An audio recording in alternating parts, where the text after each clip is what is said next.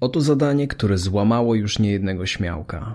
Przetłumaczcie na język polski tytuł Stranger Things. Ze Strange Things dałoby jeszcze radę. Dziwne rzeczy, może obce zdarzenia, ale Stranger?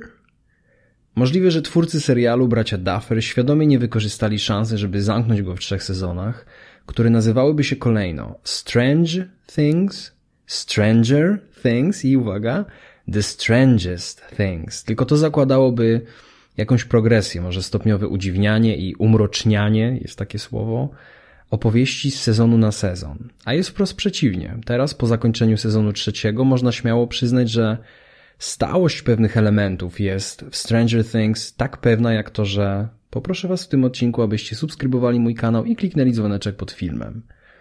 Ale być może to właśnie to gwarantuje serialowi sukces. Może, może przewidywalność jest częścią jego stylistyki.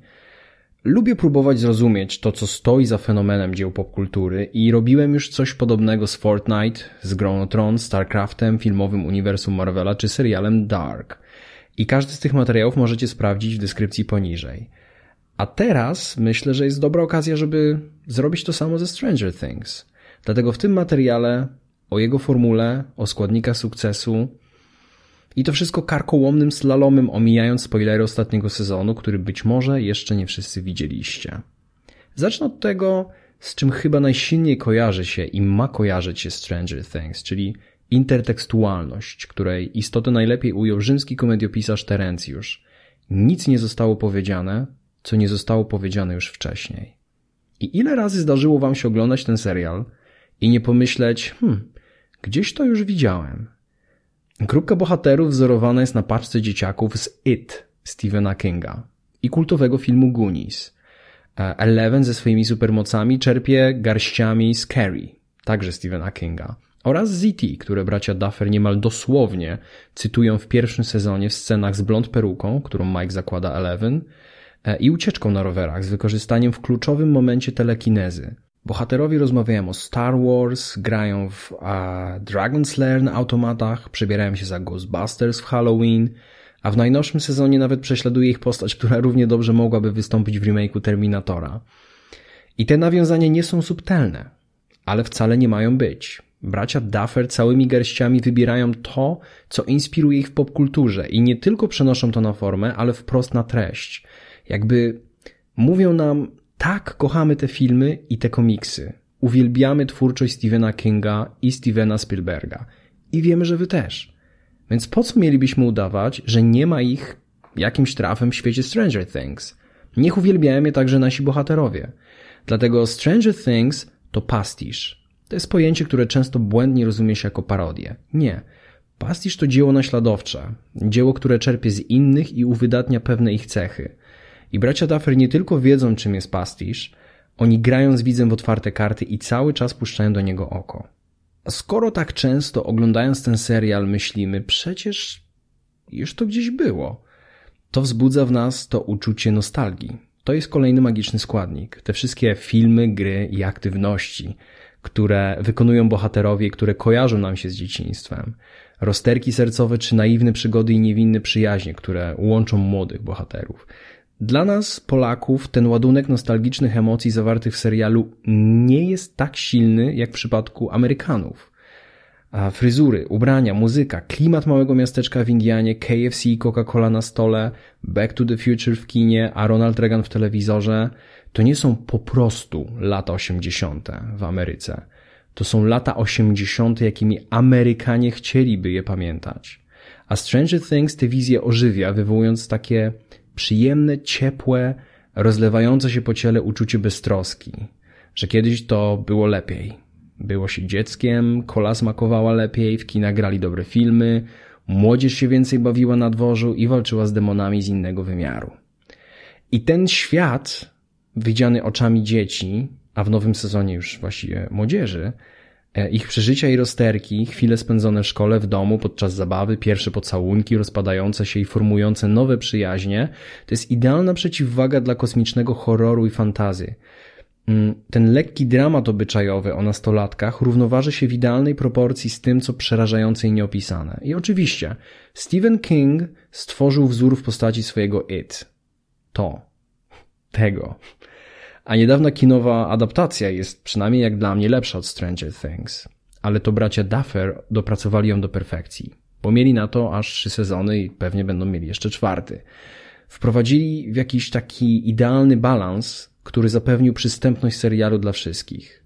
Więc jest w sam raz grozy i fantastyki i w sam raz paradokumentu środowiskowego dojrzewaniu grupki amerykańskich nerdów. A właśnie, podobnie jak Marty McFly z powrotu do przyszłości, tak czwórka nastoletnich bohaterów Stranger Things jest nerdami.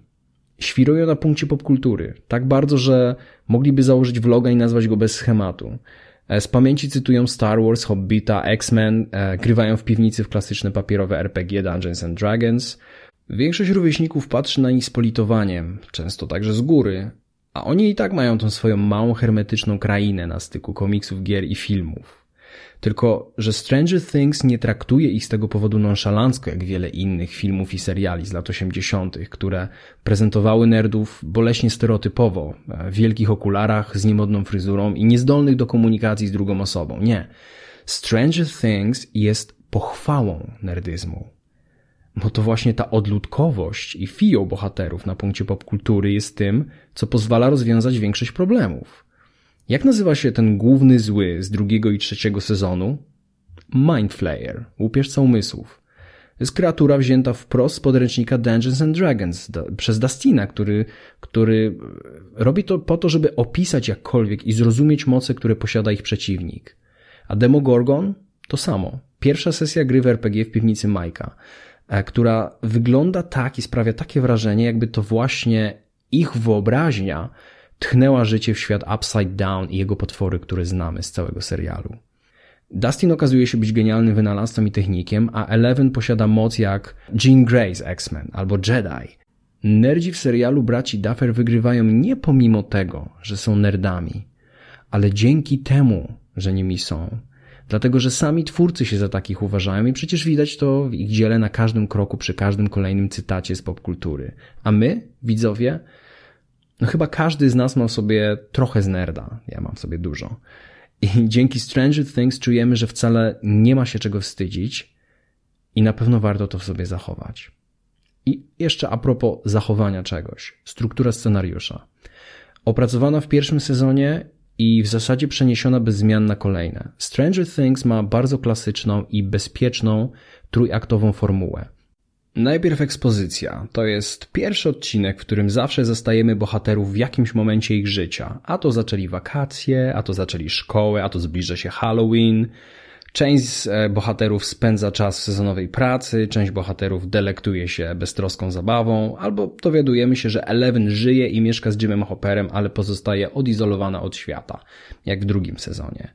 I wtedy też najczęściej, nie, nie najczęściej, zawsze na samym początku to jest może półtorej minuty i na samym końcu pierwszego odcinka jest setup tego złego, bo zawsze notabene musi być ten zły, czyli widzimy pierwsze mignięcie jakiegoś zagrożenia, które będzie następnie rosło w kolejnych odcinkach.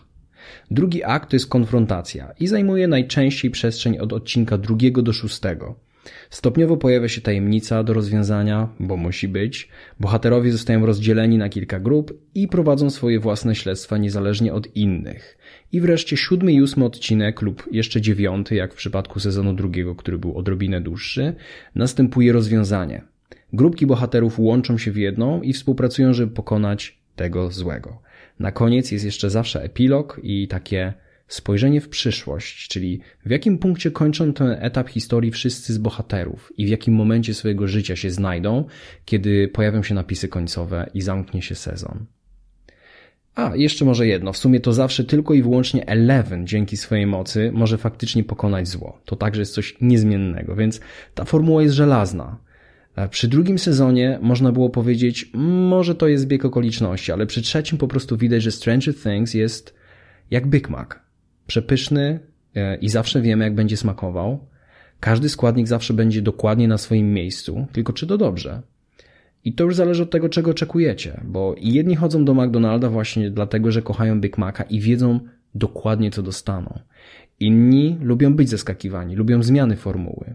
Warto zadać sobie pytanie, czy Stranger Things może zachować swoją magię i wszystkie swoje charakterystyczne magiczne składniki, jak intertekstualność, nostalgia, proporcje między teenage drama i horrorem, pochwałę nerdyzmu i niezmienną strukturę, ale jednocześnie rozwijać swoją formułę i dojrzewać razem z bohaterami. Czy być może musi zmienić któryś z tych składników, może eksperymentować ze strukturą, a może jest dobrze tak jak jest.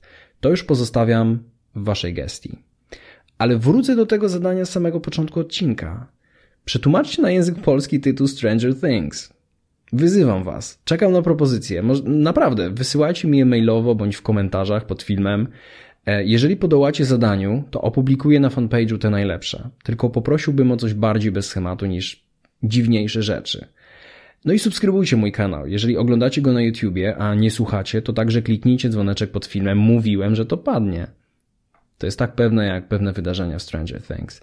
Algorytmy są jak mind flayer w Stranger Things. Zawsze znajdują sposób, żeby utrudnić mi życie i dotrzeć do Was z nowymi materiałami na YouTubie, więc dzwoneczek sprawi, że będziecie po prostu dostawać powiadomienia. No i oczywiście dzięki dla moich patronów, mojej świetnej paczki z Hawkins z Indiany, czyli osób, które wspierają mnie na Patronite i znajdują się w zamkniętej grupie, w której dyskutujemy o esencji w popkulturze, z którymi dzielę się ekskluzywnymi materiałami, a ich wsparcie zawsze pomaga mi robić lepsze treści. I możesz do nich dołączyć. Wystarczy, że sprawdzisz link w deskrypcji poniżej, a także materiały, w których analizuję fenomen innych dzieł popkultury.